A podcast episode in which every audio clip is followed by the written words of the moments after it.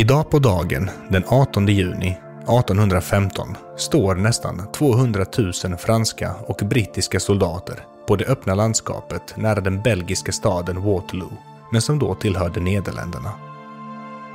Tre år tidigare hade den franske kejsaren Napoleon Bonaparte invaderat Ryssland i spetsen för en enorm här, Le Grande Armée. Han fick dock se sig besegrad när den ryska vargavintern kom och svepte in soldaterna i ett fruset helvete. Krigslyckan vände och den franska armén likaså, samtidigt som fler länder gick in i alliansen mot Napoleon. Efter det slutliga nederlaget tvingades Napoleon att abdikera och landsförvisades till Medelhavsön Elba. Napoleon har dock större planer och återvänder ett år senare till Frankrike. Den nya franska kungen sänder ut en armé för att återigen fånga in Napoleon.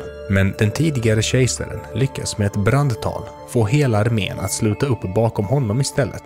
Vilket tal det måste ha varit. Napoleon leder sin nya armé medan allt fler soldater sluter upp.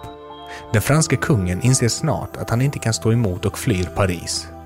Napoleon sätter sig återigen på tronen och låter utropa sig till kejsare.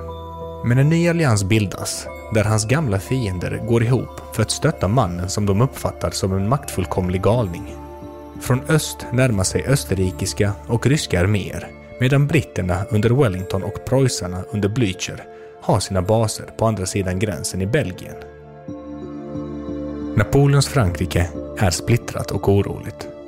Uppror blossar upp och kräver att soldater avleds dit. Napoleon tänker att om han kan återerövra Belgien kommer Frankrikes befolkning att sluta upp bakom honom. Därför ger han sig av i riktning mot Bryssel. Planen är att snabbt ta sig mellan de allierade, alltså britter och preussare, och inta huvudstaden. Han vet att han kan besegra fiendens styrkor så länge de inte ges tillfälle att gemensamt slå tillbaka mot fransmännen. Det är tidigt på sommaren 1815 som Napoleon tågar iväg norrut med över 120 000 soldater och utkämpar två slag där han segrar, men inte vinner kriget. Det som står i vägen är den stora brittiska armén under Arthur Wellesley, hertigen av Wellington. Wellesley och Napoleon möts utanför Waterloo i en av militärhistoriens mest legendariska sammandrabbningar. Britterna har en fördelaktig position på en ås och kraftigt regn dagen innan har gjort marken mjuk och lerig, vilket försvårar det franska infanteriets framryckning. Striderna som följer under dagen är hårda och den preussiska hären lyckas ansluta sig till britterna. Napoleon förlorar och när slaget är över har över 65 000 soldater sårats, dödats eller försvunnit. Den franska armén är helt förintad och Napoleon har inget mer att falla tillbaka på. Han återvänder till Paris men följs tätt efter av de fientliga styrkorna. Den 24 juni 1815 kungör Napoleon att han för andra gången kommer att abdikera.